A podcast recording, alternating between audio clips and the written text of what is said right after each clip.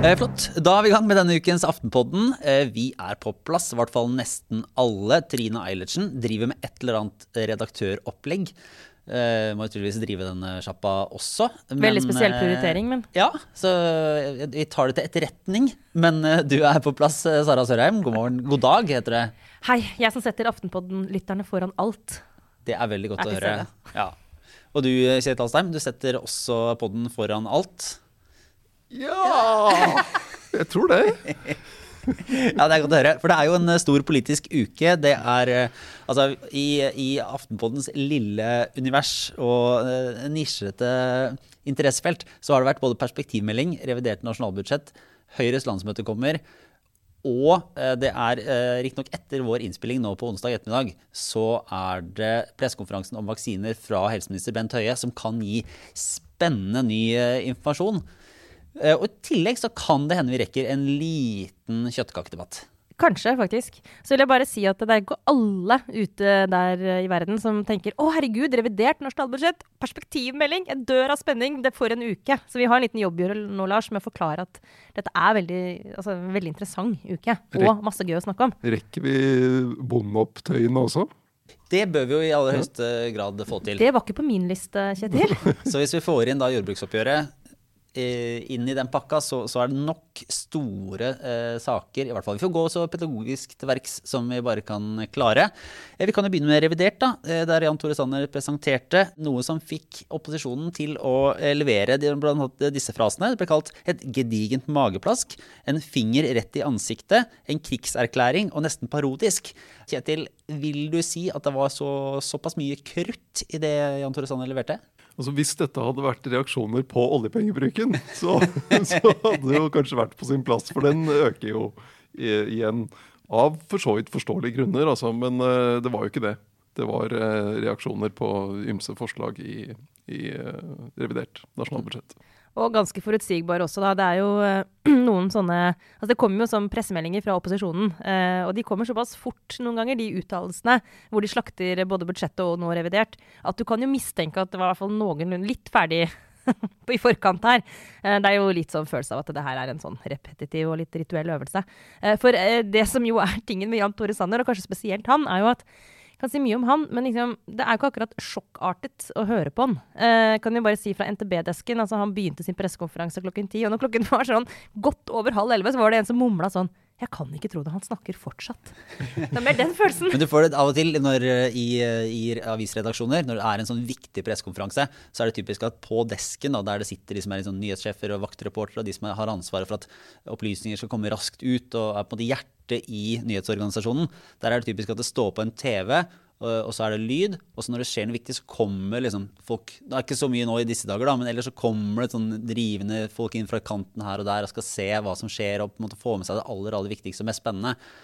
Eh, sånn er det ikke nødvendigvis. Eh, Nei. da er det aldri når Jan Tore Sanner snakker. Og godt er det. altså må dere ikke misforstå. Jeg vil gjerne ha en finansminister som er akkurat så kjedelig som Jan Tore Sanner. Uh, men det er heller ikke så ofte sånn med revidert nasjonalbudsjett. For det er jo ikke, sånn, er jo ikke sånn sjokkartet nok engang, uh, det som kommer ofte der. Men det er jo veldig veldig viktig, og det er jo da egentlig uh, til en viss grad fasiten. Altså, mens budsjettet er litt mer gjetting, sånn tror vi at det er lurt å bruke penger, så kommer det nå en korrigering som er OK, dette var det faktisk at vi måtte bruke, og her tenkte vi feil. Så sånn sett så er det jo veldig, sånn, det er veldig viktig å få med seg. Men for det er jo vanligvis er det ikke nødvendigvis sånn at revidert nasjonalbudsjett er en Altså, det er på en måte en, det er en smal politisk happening for de som følger eh, mest med. Ikke nødvendigvis en, eh, en dag for altså, ja, kjempemasse masse debatt. Men det var jo kanskje litt mer trøkk i år likevel, da. Ja, altså Det skal jo bare være en altså revidere hvis det er altså skjedd ting som du må justere på. øh, Penger du, ting du må bevilge penger til, eller om inntektene øker, sånn at du kan ja, justere på noe annet vis. Men nå er det jo den store endringen er jo at øh, denne pandemien er med oss øh, fortsatt. Og at, øh, at man da noe av, det, et av noe av det regjeringen foreslår, er å forlenge denne kompensasjonsordningen for næringslivet. Den skulle vare frem til 1.7, og så forlenger de den til 1.11. Uh, og det har uh, jo opposisjonen har jo tidligere sagt at man, man burde forlenge disse ordningene. Eh, men svaret fra regjeringen har jo vært at vi må jo vurdere hva som er situasjonen i økonomien. Og hvor, hvordan det går med pandemien. For det er jo ikke noe vits i å beholde den, altså de støtteordningene lenger enn altså når, når, økonomien kommer i gang igjen, så bør jo de ordningene trappes ned mm. og tas vekk, sånn at du får økonomien i gang igjen og bedrifter står på egne ben. Men der hadde Jan Tore Sanner faktisk en ganske vanskelig jobb da, eh, når han la frem revidert. Fordi han måtte gjøre to ting på en gang. Han måtte både understreke hvor vanvittig alvorlig denne krisen er, for å rettferdiggjøre den veldig veldig høye bruken av, av oljepenger. Um, samtidig som han også som høyrepolitiker uh, helt åpenbart hadde veldig veldig, veldig trang til å også si at dette skal vi ikke gjøre et sekund for lenge. Uh, og nettopp opptatt av at det, med en gang denne pandemien er over, så skal vi ikke ha disse ordningene.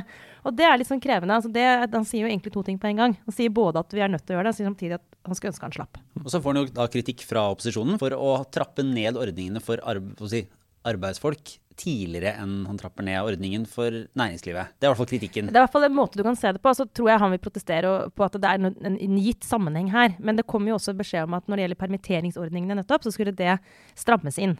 Og hvis du ser det med røde øyne, da, så kan du, du kan helt fint se et mønster her. At, at, denne regjeringen velger å trygge næringslivet, eller opptatt av å sørge for vekst i næringslivet, fortsatt vekst og fortsatt gode ordninger, og ikke gjør det samme med arbeidstakerne. Det kan man velge å se på som en sånn klassisk borgerlig innretning på et, uh, også på et revidert budsjett. Selv om det er en mer teknisk justering, så som jeg var inne på så ligger det jo muligheten til å du kan legge politiske føringer i det.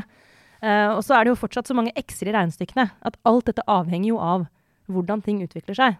Så det også er et ekstra element i år. Det er ikke sikkert det blir sånn, selv om de nå varsler det. Altså, altså blir det, mer, det, blir jo litt mer sånn retorisk, da, fordi du ser det på datoene. Altså at de, de, forlenger kompensasjonsordningen for næringslivet til 1.11. Og så gjør de om på permitteringsordningen. Uh, forkorter den fra 52 uker til 26 uker fra 1. juli, er det vel. Ja. Men det er jo da for nye permitteringstilfeller fra, altså, som kommer etter 1. juli. Og de varer jo da, hvis du har 26 uker, så er det et halvt år. og Da er du ved årsskiftet. Så, så, det er litt sånn ja, den, eh, jeg skjønner, det, Retorisk så kan det fungere, men sånn saklig sett så blir det en litt uh, pussig konstruksjon å sette opp på den mm. måten, tenker jeg. Nå er ikke vi en veldig sånn saklig orientert podkast. jeg bare prøver å lage et lite hjørne her for det. så, men så sitter jo Jan Tore Sanner da, og sier at uh, nå, det, det, er jo typisk, det er sånn uh, Nå må alle politikere ta ansvar for mm. at pengebruken skal ned etter at vi har brukt alle disse pengene. Altså, sånn, som betyr sånn Vi overlater til liksom, den nye, eh, kanskje rød-grønne regjeringen å rydde opp på kjøkkenet. Men, men, det er også en sånn Uh, altså er, altså det er ikke noe grunn til å tvile på at ikke Jan Tore Sanner er en veldig ansvarlig politiker og opptatt av det. Ja, som har måtte være oljepengebruken de siste ja, åtte åra, da. Og det er jo viktig å minne om også at uh, selv om det er, nå er det pandemi, det er selvfølgelig en veldig, veldig, veldig spesiell situasjon, men det er jo ikke sånn at det bare er nå at denne regjeringen har uh, gått veldig langt og brukt veldig, veldig, veldig mye penger. Sånn at det der, og det har vi snakka om før, og det kommer jo til å være en del av arven etter Solberg-regjeringen, er jo den pengebruken som de har brukt konsekvent for å kunne lande kompromisser og for å kunne holde denne regjeringen sammen. Og det er, det er jeg helt sikker på. Nå skal jeg slutte å spekulere i hva Jan Tore Sanner stakkars måtte mene, men jeg skal gjøre en siste, siste forsøk. Jeg tror ikke han heller syns at det er et, et veldig godt testamente. Uh, men ja. Og det blir dyrere dette her også, blir det ikke det?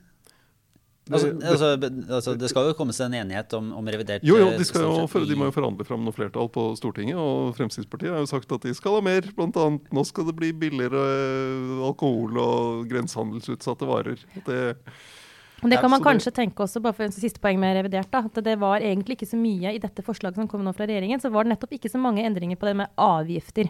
Og vi, det vet jeg, fordi vi lager jo alltid, og det gjør alle redaksjoner, den derre 'dette betyr det for lommeboka di'-saken. Ikke sant? I, både ja, ja. i budsjett og revidert. Og det er jo det veldig mange lurer på. Hvordan påvirker dette min altså, Hva heter det nå for tiden? Vanlige folks hverdag. Og da er det sånne ting som sukkeravgiften og moms og alt det der.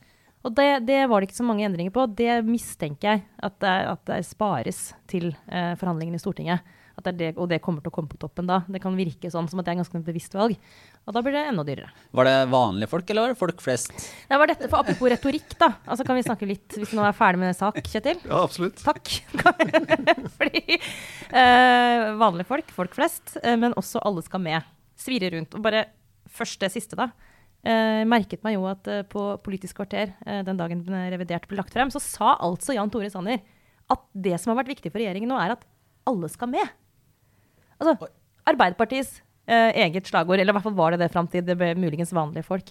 Og tenkte jeg sånn, Det kan jo ikke være en, eh, bare sånn tilfeldig at han sa, brukte den setningen. altså tar han, Det høres ut som han med vilje på en måte tar Arbeiderpartiets eh, slagord og gjør til sitt. Men hvorfor i all verden gjør han det? Altså, Hva tenker han at det er bra men det, for men Høyre? det er mulig Eller er, hva, en- det er mulig det er en del av en, av en trend. Fordi det plutselig Altså, Frp har jo vært eh, folk flest i mange, mange år, satt seg kjempegodt. Men her nå på landsmøtet så var det plutselig prat om nettopp vanlige folk. Mm. Og Arbeiderpartiet har jo sitt bare Nå er det vanlige folks tur. Ja, så alle skal ikke med lenger. Uvanlige folk de skal ikke med. Det er bare Ja. vanlige folk som skal være med nå. Men, men altså, hvor, altså Fremskrittspartiet har, er skjønner, ja, det, Plutselig begynner folk å, å, å ta hverandres slagord. Det kan, er, er ingenting hellig lenger. Det er som eh, da Senterpartiet protesterte på at sentrum kalte seg sent, partiet Sentrum kalte seg Sentrum, fordi de mente at det lignet for mye. Men, eh, men altså, Frp har jo ikke lagt bort folk flest helt. I talen til Sylvi Listhaug på landsmøtet så var det vanlige folk var fire ganger, folk flest var seks, og uvanlige folk var ingen ganger. Så Det er jo for øvrig en god tradisjon da, i norsk politikk for å jeg synes, men det er en god tradisjon for å, for å ta noen slagord og så ta det litt videre. Sånn som da eh, var det, Høyre hadde den i- var det i 2017, 'Vi tror på Norge'. Og Senterpartiet tok den 'Vi tror på hele Norge'.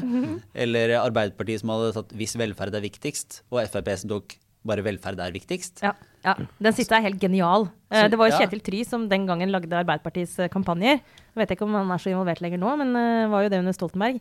Eh, som den derre 'hvis velferd er viktigst'. Hvis Eh, vanlige folk i hele Norge er viktigst. Det er sånn, Nei, vanlige folk i hele Norge er viktigst. Men altså, for det er genialt å fjerne den vissen. Altså, det, si Det var Frp i et genialt øyeblikk. Bare sånn, slå det fast at det er viktigst. Sånn fuck off, liksom. Var det, Eh, ikke, var det ikke også en som eh, SV hadde for en gang for lenge siden, som var sånn eh, Vi vil vil liksom ut av rundkjøringa, eller noe sånt, som skulle være et bilde på at en måtte ha noe nytt og noe annet. Og da var det sånn eh, Så var det Høyre som kom med sånn Ja, da må du ta til høyre.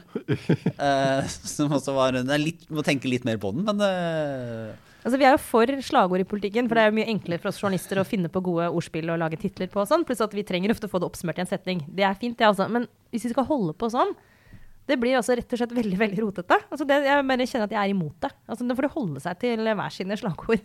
Og um, alle skal med. Det tenker jeg, det, altså Hvis det skal bli Høyres nye slagord, da må de nesten sende ut en pressemelding og si sånn Nå har vi bytta. Eh, og så kan jo, Hva var det Høyre har hatt de siste årene? For vel, gode løsninger og bedre Nei. Uh, Var det eh, nye og bedre løsninger? Men det- det, det er et, ja, de har et er annet. Nå er det, nå er det, nå er det, nå er det et annet annet med flere jobb Nei, hva er det? Jobb til alle Nei, hva er det? Altså, Jobb dette til alle illustrerer inkludering bare- til eh, Nei, det er et eller annet. Men, men det er, det, jeg syns det er interessant med Arbeiderpartiet, da, som har gått fra det klassiske 'arbeid for alle er jobb nummer én' til eh, nå er det vanlige folks tur.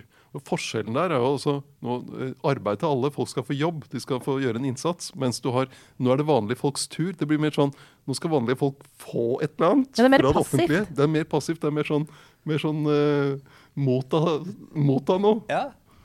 Ja, eh, det, ja, det syns, det syns, ja, nei, altså, kanskje jeg er bare veldig konservativ i min sjel. Men altså, jeg er grunnleggende skeptisk til sånn, når de bytter slagord. Altså. Det, jeg merker nå sånn, den der den vanlige folks tur. Er dypt skeptisk. Du vil fortsatt ha by og land hand i hand? By og land, mann mot mann. Hva var galt med det? Men eh, bare for å eh, eh, svippe innom eh, et, en annen liten milepæl denne uka her, så var det jo perspektivmeldinga som kom på mandag. Ikke kom, ble behandlet, ble behandlet, i Stortinget. ja. Mm. Og det er, jo, eh, hvis, det er jo når de lager innstilling om Perspektivmeldingen prøver jo å se litt fremover. Til Akkurat det. 2060, faktisk. Men eh, hvis du har da et regjerings... Altså opposisjonen har et regjeringsalternativ der de eh, måtte, kan skrive seg sammen om ting som de er enige om, så er det, der, er det av og til der det har skjedd. At eh, de partiene som vil utfordre sittende regjering, lager felles merknader for å skissere en politikk. Og Gjorde de det i 2005 f.eks., eller også fire? Ja, altså, de har gjort det ved tidligere, tidligere, tidligere anledninger. som har brukt det. Hvor er det de partiene som nå kan bli et nytt regjeringsalternativ, hvor er det de skriver seg sammen? Altså, og det, fordi at de kunne, altså når, når meldinga ligger der, så kunne hvert parti skrevet sånn Vi vil uh, A, og så kunne det andre samarbeidspartiet skrive sånn Vi vil B. Men så skriver de sånn Vi er helt enige om at vi skal ha ja, så går de, lager de felles merknader, Ja. for eksempel, om eh, Og det, det, er, det er jo noe felles her, men, men det er veldig lite preg av det. Og det er jo fordi de er, har jo ikke et avklart regjeringsalternativ med Eh, med Arbeiderpartiet som da vil ha med SV, og Senterpartiet SV som vil ha med også MDG og Rødt eventuelt, og Senterpartiet som bare vil ha med Arbeiderpartiet. Så du får jo ikke, du får ikke noe svar der på hva er politikken til en ny regjering. Men ellers da, var det noe altså klarer de jo, altså Er det en reell debatt eller uenighet? Altså, all ære til perspektivmeldingen. Jeg er veldig glad for at det går inn å se litt lenger frem. Men det er også litt sånn ja vel. Altså, er, det, er, det, noe der som er brennbart, liksom? Som det faktisk er uenighet om? Jeg synes jo Noe av det som er interessant der, er det, det Jan Tore Sanner prøver Det er jo finansministeren som lager perspektivmeldingen. og Det, no, det han prøver å formidle i perspektivmeldingen denne gang, er at uh, det blir mindre handlingsrom i budsjettet. altså Det kommer mindre nye penger inn. så det blir, du kan da blir det mindre nye ting du kan bevilge, altså enten det er å bygge veier eller bedre sykehusene eller kutte skatter eller hva det er. Og det forholder partiene seg i veldig liten grad til i innstillingen. Og det drøyeste er jo egentlig Fremskrittspartiet, SV og Miljøpartiet De Grønne, som viser til at uh, ja, men, uh, man har jo tatt feil før. Oljefondet er vokst mer enn man trodde. Og hvis avkastningen blir mm. like høy fremover som den har vært i det siste, så går dette kjempebra. Ja, for Sylvi Listhaug var jo i, i landsmøtetalen, eller et, en av talene sine på Frp-landsmøtet, var jo sånn perspektivmeldinga. Det er litt sånn pessimisme. Så, så det er ikke noe grunn sånn. til å tro på nå. Det har tatt feil stadig vekk. Men det er litt sånn, det er som å si hvis du har vunnet storgevinst i pantelotteriet den ene uka, så tenker du ja, nå skal jeg legge opp, legge opp økonomien min etter at jeg vinner den storgevinsten hver uke fremover. Det går sikkert fint. Det er jo, men ja, nei, Vi var inne på det i stad, men det er jo også den der, det er jo dypt dypt selvmotsigende. At det er samme, samme finansminister som både legger fram den perspektivmeldingen og samtidig dette først statsbudsjettet og så det reviderte. da. Det er to helt, for, helt forskjellige tankeganger som legges til grunn. Nei, ja, Egentlig ikke, fordi det illustrerer jo at uh, økonomien vil bli rammet av kriser. Nå er vi i en kjempekrise. og Du hadde oljeprissmellen for ikke lenge siden, som også var en krise der du måtte sette inn ekstra penger. Og Poenget er at det vil komme nye sånne kriser, og da må du holde igjen. Uh, I de årene der det ikke er krise. Ja. uh, og det har, de jo, har jo heller ikke Solberg-regjeringen vært spesielt flink til. Det står ikke noe i perspektivmeldinga om eh, norske bønder som eh, kommer til uh, Oslo for å markere seg og kjøre traktor? Jeg, kan, jeg, vil tro at det står noe om landbruk et eller annet sted i perspektivmeldingen. Altså, ja. Men, men, ja, nei, vi hadde jo masse traktorer på Karl Johan her eh, denne uka. Jeg trodde nesten det var cupfinale. Skulle tro det. også. Det er litt trist når det kommer så mange bønder til byen, og så er både Scotsman og Eilefs landhandleri stengt, men sånn er det her i denne byen. Men de er jo da for å, markere eh, måte, eh, motstand mot, mot, det de mener er et fryktelig dårlig tilbud fra, fra, regjeringen. Og de mente jo det tilbudet var så dårlig og så langt unna krav fra, kravet fra bondeorganisasjonene eh, at de ikke ville forhandle i det hele tatt. Så nå skal den saken til Stortinget. Altså Nå snakker du om jordbruksoppgjøret. Sant? Ja. ja for da kan, bare, kan, jeg bare melde meg nå til andre lyttere som har det som meg. For jeg måtte sende en melding til denne gruppa her. Eh, og bare Åssen var det her igjen? For at, hvorfor, er, hvorfor havner den saken i Stortinget? Og er ikke dette et lønnsoppgjør? og så tenkte jeg må jeg bare tørre å stå frem som at dette husker jeg ikke hvorfor det er sånn som det. Og så Da syns jeg du skal forklare lytterne våre, Kjetil, det du forklarte til meg. Hvorfor er jordbruksoppgjør Hva er det egentlig de forhandler om, og hvorfor havner de i Stortinget? Det, det, er jo, det, er jo, ikke et lønnsoppgjør på den måten, fordi de er jo ikke ansatt av staten, selv om man kan tro det ut fra ja, men De er selvstendig næringsdrivende. Så, så, er det en forhandling om hvor mye støtte de skal få. hvordan eh, For det er så gjennomregulert, hele, hele landbruket i Norge. Hvor, hvordan eh, regler skal være, støtteordningene skal være, hvor grensene skal gå for hvor stor du kan være for hvilke tilskudd osv. Alt dette forhandler de om. Uh, og det er jo helt, det er et helt unikt system. Det er ikke, det er og, og, ekstremt komplisert, er det ikke det? Fordi det er jo ikke sånn at uh, altså Noe vil jo ikke komme noen uh, bønder til gode, men ikke treffe andre. og sånn sett så er det en sånn innretning internt i dette her som ikke er det er ikke et flatt tillegg til alle bønder. Det det er, eh, ut fra hva de produserer og ut fra hvor store gårder de har. Og, altså, alle de tinga har noe å si. Ja, og Mye av dette handler om de som driver med ku. Eh, fordi altså, de, de, de, som dyrker grønnsaker og sånn, der har du jo en, en sektor som i stor grad er blitt uh, lønnsom i seg selv og har ganske små subsidier.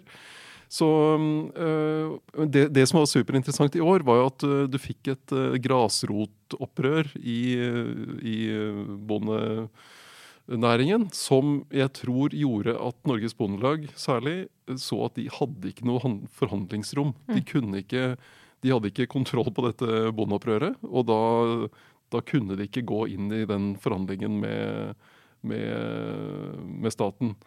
Og det som vanligvis skjer, er når de blir enige, bøndene og staten, så bare sendes det til Stortinget, og så sier Stortinget det er greit.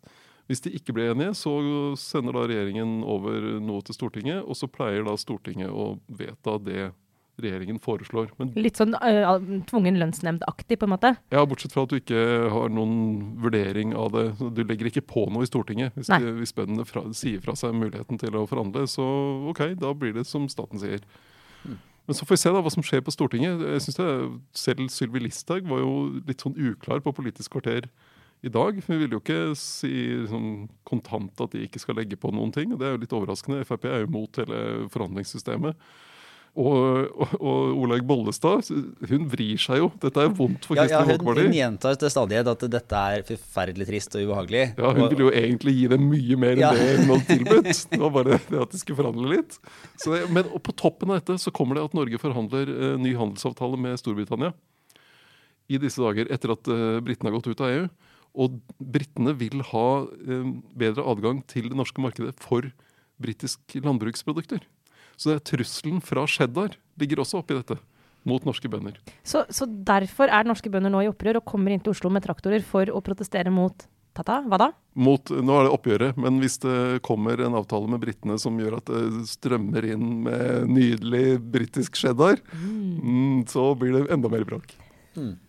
Og problemer for KrF, da, som jo gjerne som vil eh, Dette er distriktsvelgere og viktig for KrF. Men er, det, er, det, er dette her en ren gevinst for Senterpartiet? Eh, ja, jeg, ja, jeg tenker det at det er bråk om jordbruksoppgjøret, det er, tror jeg er fint for Senterpartiet. Men det er klart, eh, dette gjør jo at en rød-grønn regjering må bla opp mye penger om et år.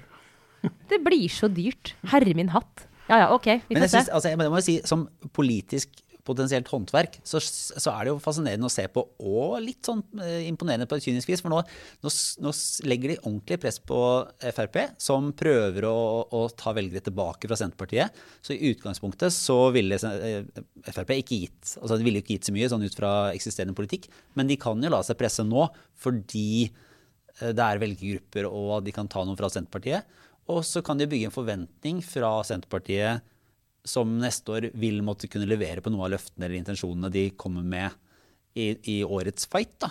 Og det er litt interessant. Vi skal også drive, drive litt sånn spillteoretisk spekulasjon rundt Listhaugs eh, strategi i årene som kommer. da. Altså, om hun i det hele tatt nå tenker på eh, å på en måte klare å holde på makta um, på borgerlig side, og liksom tenker at regjering, regjering, er målet for henne etter valget. Eller om egentlig hennes viktigste uh, mål akkurat nå er å lage så mye faenskap for Senterpartiet som overhodet mulig, for å sørge for at de havner i regjering og kommer i den posisjonen hvor de må være ansvarlige, og hvor hun kan være opposisjonsdronning og uh, få partiet opp igjen på de gamle, gamle høyder, liksom. Og hvis, hun, hvis det er det siste, så har hun på en måte hun har veldig mye å vinne på nå å binde Senterpartiet til masta på et jordbruksoppgjør neste år som blir kjempedyrt. Som hun kan jo holde fest, hun, på på det om et år. Men, men eh, det er Fra opposisjonen, også. Ja, ja. ja. Men, men, men uh, Senterpartiet vil jo ha et dyrt jordbruksoppgjør. De, vil, de er jo på en måte ikke noen nedside for dem å, å få masse press på seg i neste ikke, år. Jo, men hør da, Hvis de ikke vinner gjennom uh, i egen ja, sånn, regjering, sånn, uh, og må levere og de blir den nye Bollestad, ikke sant, og ikke klarer å levere det de egentlig skulle ønske de kunne fordi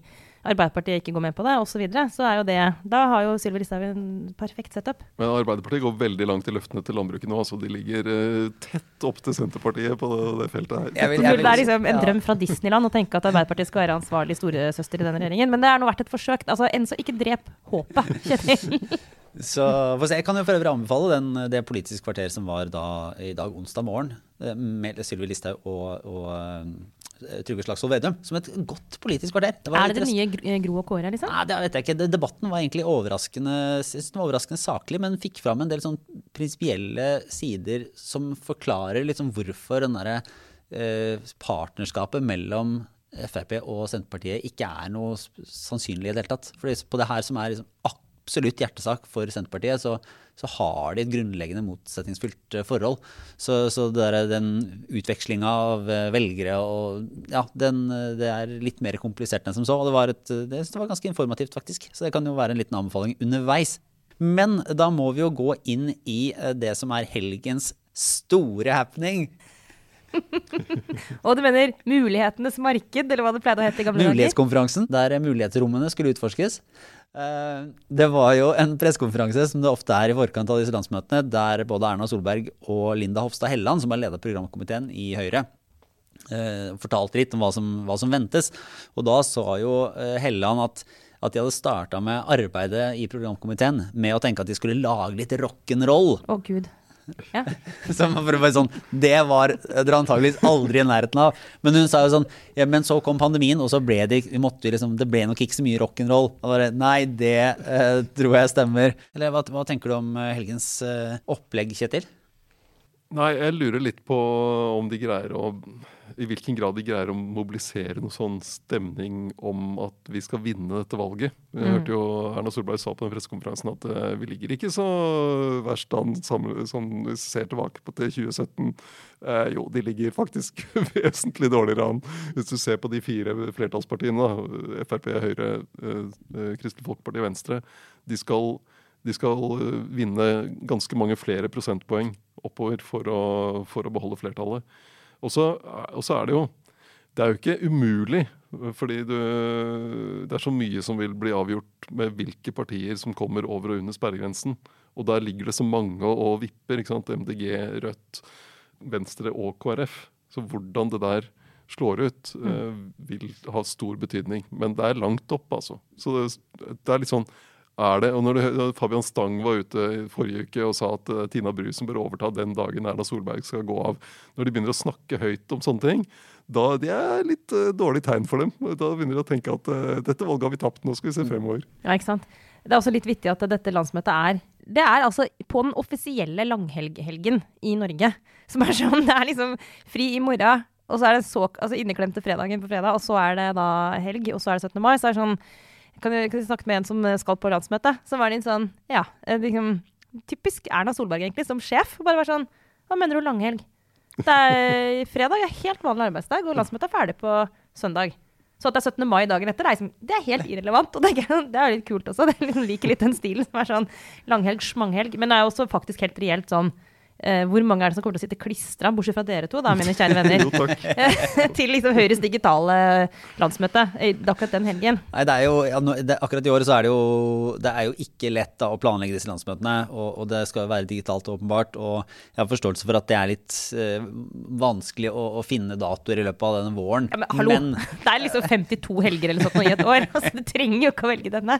Nei, men det er, ja, for det er jo sånn en viss fare for at på, ja, på tirsdag så er det litt sånn etterdønningen etter 17. mai, og så på onsdag så skal, skal de, skal, tenker de at folk skal være sånn Ja, det landsmøtet til Høyre, ja. Det som var nå midt i alle disse fridagene og helgene og på andre sida av 17. mai og på hitsiden av Kristi himmelfartsdag og, og alt mulig rart. Ja, det satte spor. Det, det er eh, nesten utenkelig. Men kanskje det er en sånn stealth-strategi som ligger under her? Altså, La oss bare avvikle det her landsmøtet bare uten at noen merker at det har funnet sted. At det er best for oss akkurat nå. Erna Solberg på den press, samme pressekonferansen var jo Hun gikk på en måte Hun bare omfavna hele den, eh, det som til dels har vært parodi, altså en parodi, den helheten.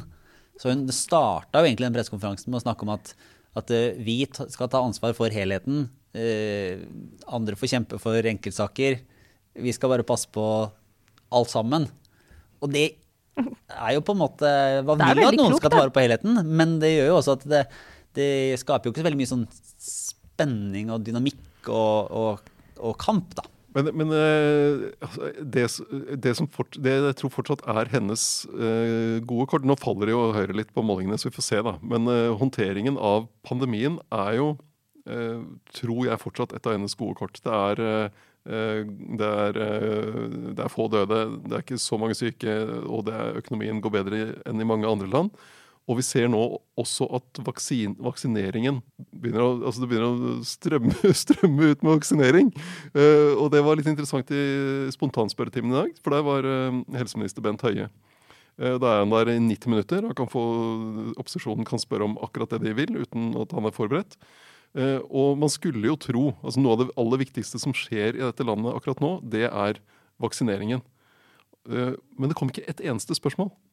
Og for veldig kort tid siden så ville, tror jeg det ville kommet mange. Det er ikke, det er ikke lenge siden Senterpartiet lurte på Ja, for de du vil ha Russland, altså Ja, russiske hvor- vaksiner og i det hele tatt? når hvordan kan, Hva gjør regjeringen for at vi skal få Sputnik V-vaksinen Uh, og i februar så var det sånn Hva betyr det nå at AstraZeneca-vaksinen blir forsinket? som var et tema den gang.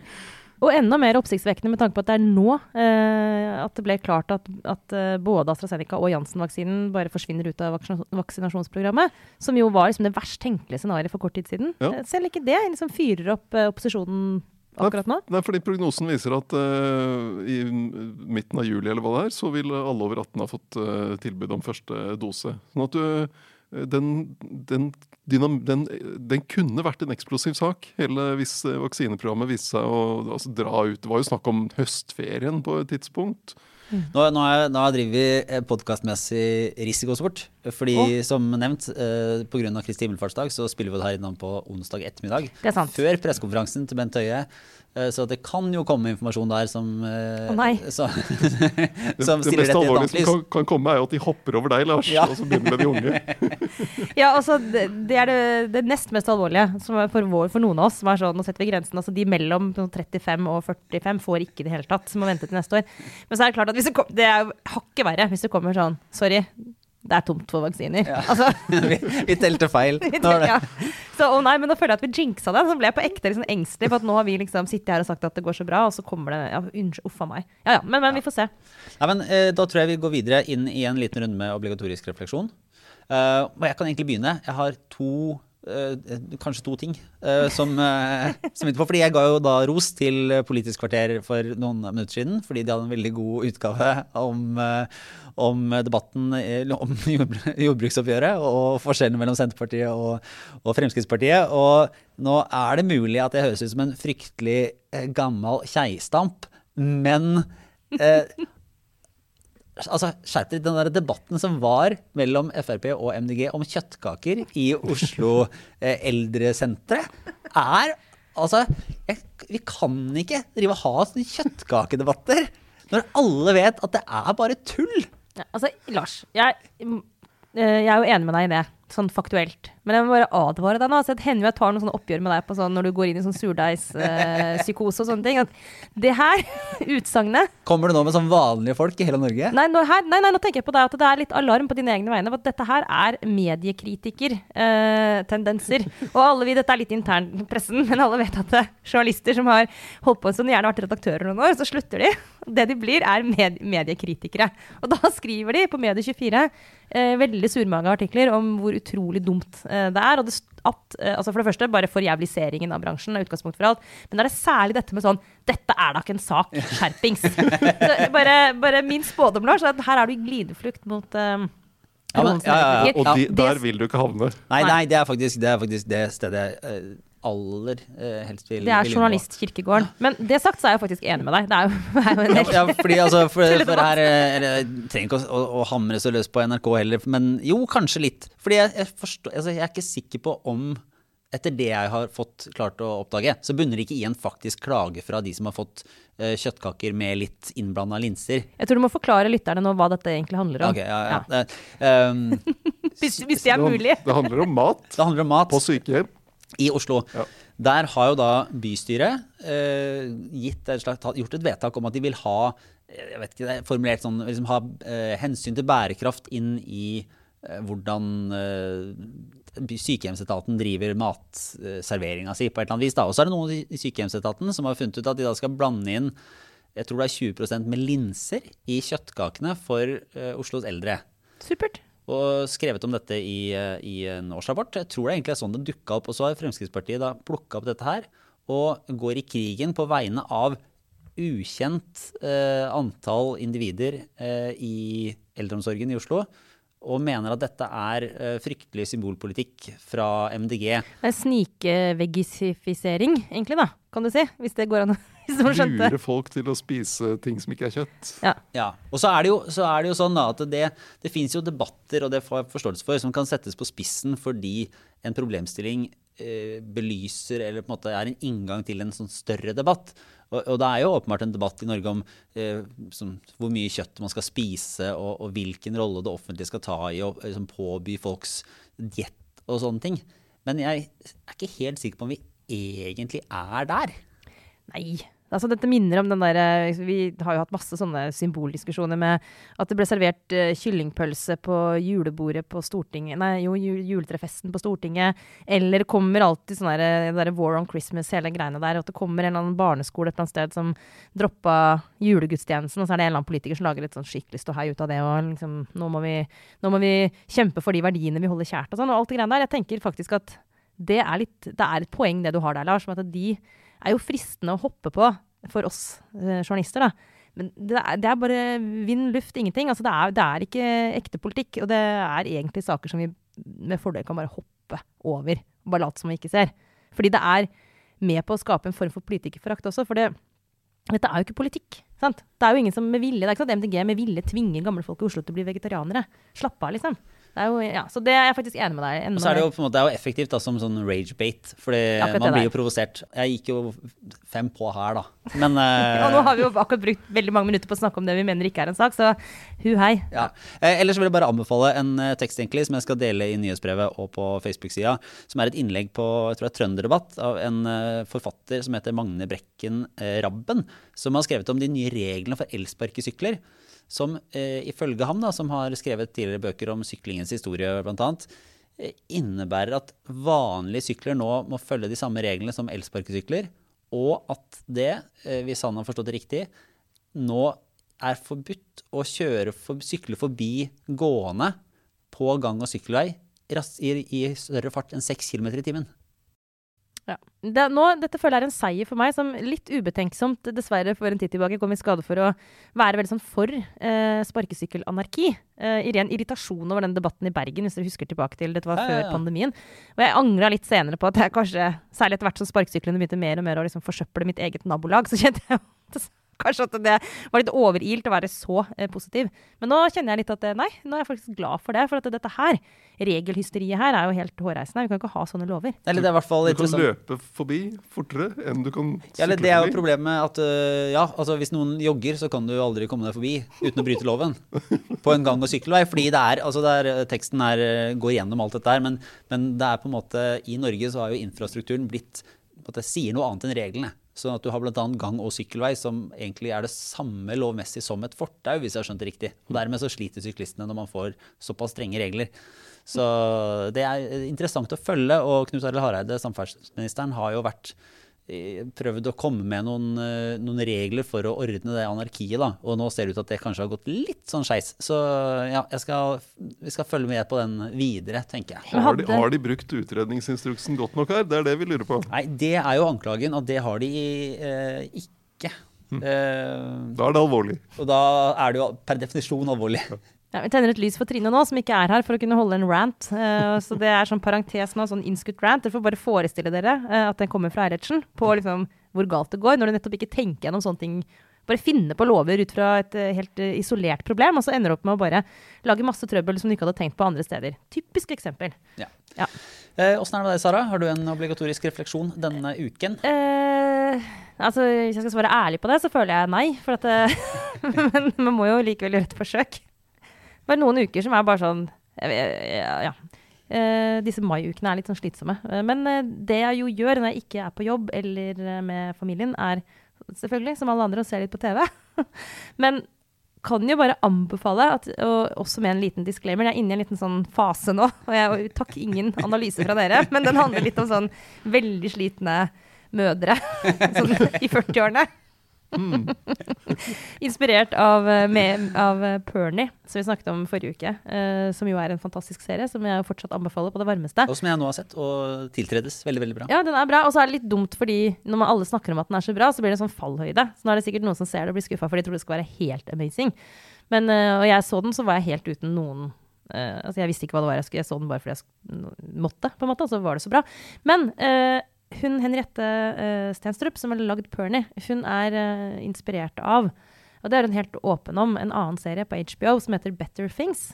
Og den har jeg hørt liksom blitt snakket om uh, en periode. Den, no, den, har jo holdt på det tror jeg er seks sesonger nå. Ja. men nå har jeg endelig sett den.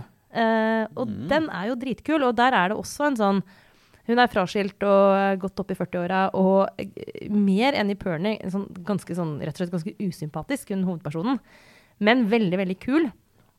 Og en sånn kvinnelig hovedperson som er veldig lite sånn typisk eh, en dame du ser i en serie. Altså Hun er bare så lite kokett, den dama. Hun er sånn breibeint, bannende, eh, ganske sterkt alkoholisert, egentlig. Hvor mye skal vi analysere dette? Nei, ikke sant? Akkurat det.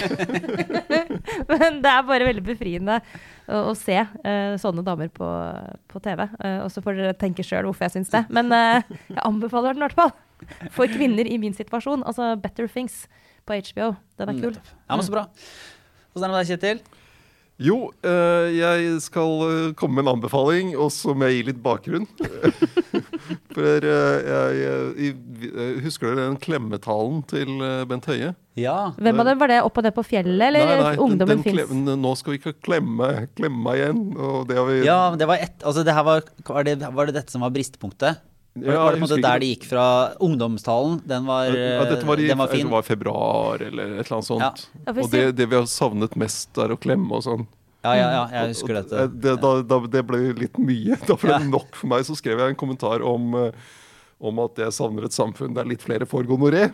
Ja. Eh, fordi antallet gonorétilfeller er jo gått falt dramatisk under eh, pandemien. Eh, og så skrev jeg det fordi jeg, ikke fordi kjønnssykdommer er liksom en, en bra ting å trakte etter, eh, men eh, fordi det er, jeg, mener det er et uttrykk for at du, det er et mye mindre fritt samfunn. Hva er det de, er det de sier? Eh, eh, korrelasjon, ikke kausalitet? Ja, et eller Eller annet et eller annet sånt? Ja. Og at eh, det folk ikke er ute og gjør både hyggelige og dumme ting. Eh, Det går jo ofte hånd i hånd. Ja. Det er det som er. ja. Ja. Og så fikk jeg et par henvendelser etterfra på fra folk med medisinskfaglig kompetanse, som ville bare understreke hvor, eh, hvor ugreit gonoré er. Ja. Eh, Og nå som vi da nærmer oss sakte, men sikkert i løpet av sommeren en gjenåpning, så har jeg lyst til å komme med en an to anbefalinger. Ikke få gonoré. Den ene er ikke få gonoré, eh, men jeg skal komme dit, da. Den første er at man eh, går inn på Oslo universitetssykehus sider og leser en tekst. De har til og med lagd et lite rim i tittelen. Kan det faktisk skje at du ikke blir kvitt din gonoré? Og, problem, og problemet er at det kan faktisk skje. fordi eh, når det gjelder antibiotikaresistens Dette er ikke noe å le av, Sara.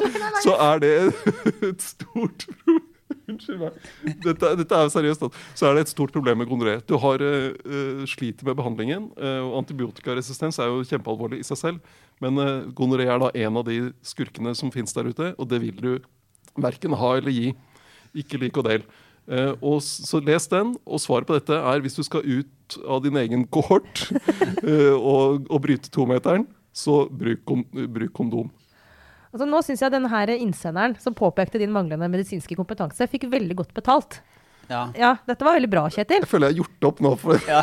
for, for den litt ja. Karmamessig veldig greit nå, vil Så, så vi vil ha et samfunn der folk igjen kan risikere uh, gonoré. Men er så kloke at de bruker kondom, sånn at de ikke får det likevel. Akkurat Det det på, på riktig side av, av sykdommene. Ja, men det, Jeg tror vi går inn i Kristi himmelfartsdag og, og, og Høyres landsmøte. Og, er det Høyre, Høyres landsmøte? Jeg tenker, nei, det er, nei, jeg skal ikke fortsette på Det er digitalt. Eh, vi- Eh, Vi er tilbake med en oppsummerende podkast på tampen av Høyres landsmøte, Kjetil. Der vi går gjennom litt av sakene og det som har skjedd der. Så det kommer på søndag ettermiddag. Når de er Utrolig ferdig bra innsalg vi hadde den sendingen her, da.